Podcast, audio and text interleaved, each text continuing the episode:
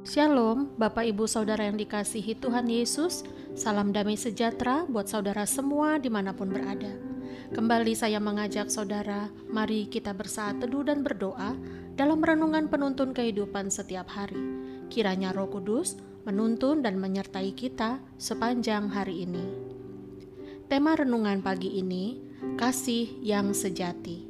Nats Alkitab terdapat di dalam 1 Korintus 13 ayat 13. Demikianlah firman Tuhan.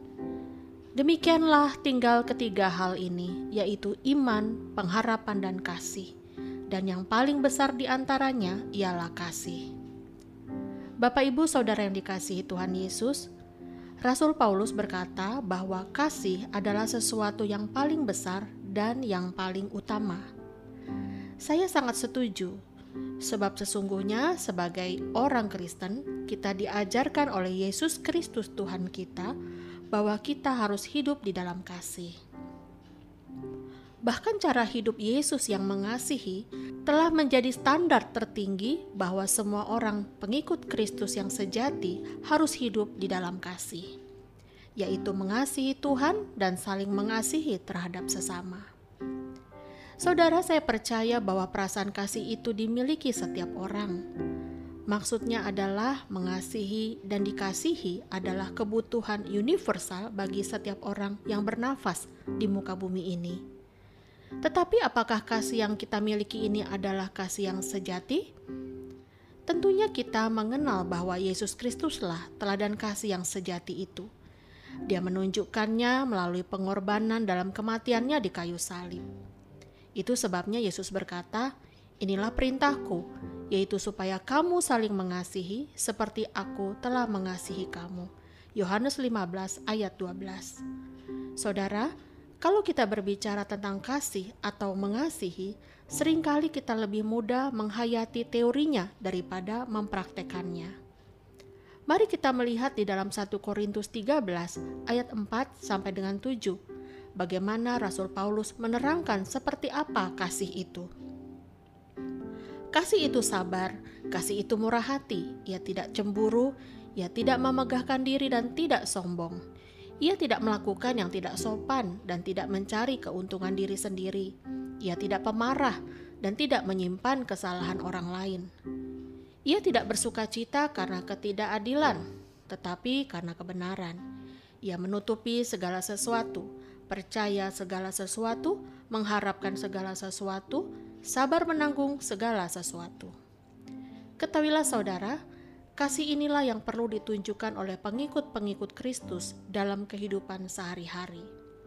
Mungkin waktu kita melakukan semua bentuk kasih ini, sangat mudah menyatakannya atau menunjukkannya kepada orang-orang yang memperlakukan kita dengan baik. Namun, pada kenyataannya tidak sesederhana ketika kita ingin mengasihi orang, tetapi kita dilukai. Ketika kita tidak dihargai, ketika kita diperalat, ketika kita dirugikan, ketika kita difitnah, ketika kita tidak diperhatikan, dan lain sebagainya, membuat kita sulit bagaimana mengaplikasikan kasih itu terhadap orang-orang yang mengecewakan kita. Tetapi Tuhan Yesus mau agar kita tetap memiliki sifat Kristus, yaitu kasih yang membuat kita berbeda dari dunia ini. Saudaraku, sebagai pengikut Kristus, kita diperintahkan Tuhan untuk mengasihi, bukan karena kita Kristen, maka kita harus mengasihi, tetapi karena karakter Kristus ada di dalam kita. Bukan karena slogan, tetapi kasih harus menjadi prinsip hidup orang percaya. Rasul Paulus pernah berkata, "Sekalipun aku dapat berkata-kata dengan semua bahasa manusia dan bahasa malaikat, sekalipun aku mempunyai karunia untuk bernubuat, dan karunia memiliki seluruh pengetahuan, sekalipun aku memiliki iman yang sempurna untuk memindahkan gunung, dan sekalipun aku membagi-bagikan segala sesuatu yang ada padaku, bahkan menyerahkan tubuhku untuk dibakar, tetapi jika aku tidak mempunyai kasih, sedikit pun tidak ada faedahnya bagiku. 1 Korintus 13 ayat 1 sampai dengan 3. Jadi sekalipun kita menganggap diri kita lebih baik, lebih memiliki, lebih berhikmat, lebih pandai, lebih beriman, lebih banyak memberi ataupun lebih banyak berkorban, itu tidak akan berarti apa-apa di mata Tuhan kalau kita tidak ada kasih. Saudara, mungkin kita bertanya, bagaimanakah kita memiliki kasih yang seperti kasih Tuhan itu di dalam hati kita? Karena kita menyadari bahwa sungguh mustahil mengasihi Allah dan sesama jika kita melakukannya dengan kekuatan sendiri. Kita pasti akan gagal dan gagal lagi. Mungkin kita harus mendalami ayat firman Tuhan ini, saudara di dalam 1 Yohanes 4 ayat 19 berkata, Kita mengasihi karena Allah lebih dahulu mengasihi kita. Inilah kuncinya saudaraku. Bagaimana kita dapat memiliki kasih Bapa di dalam hati kita. Ketika kita sadar secara penuh bahwa Allah mengasihi kita, maka barulah kita dapat mengasihi.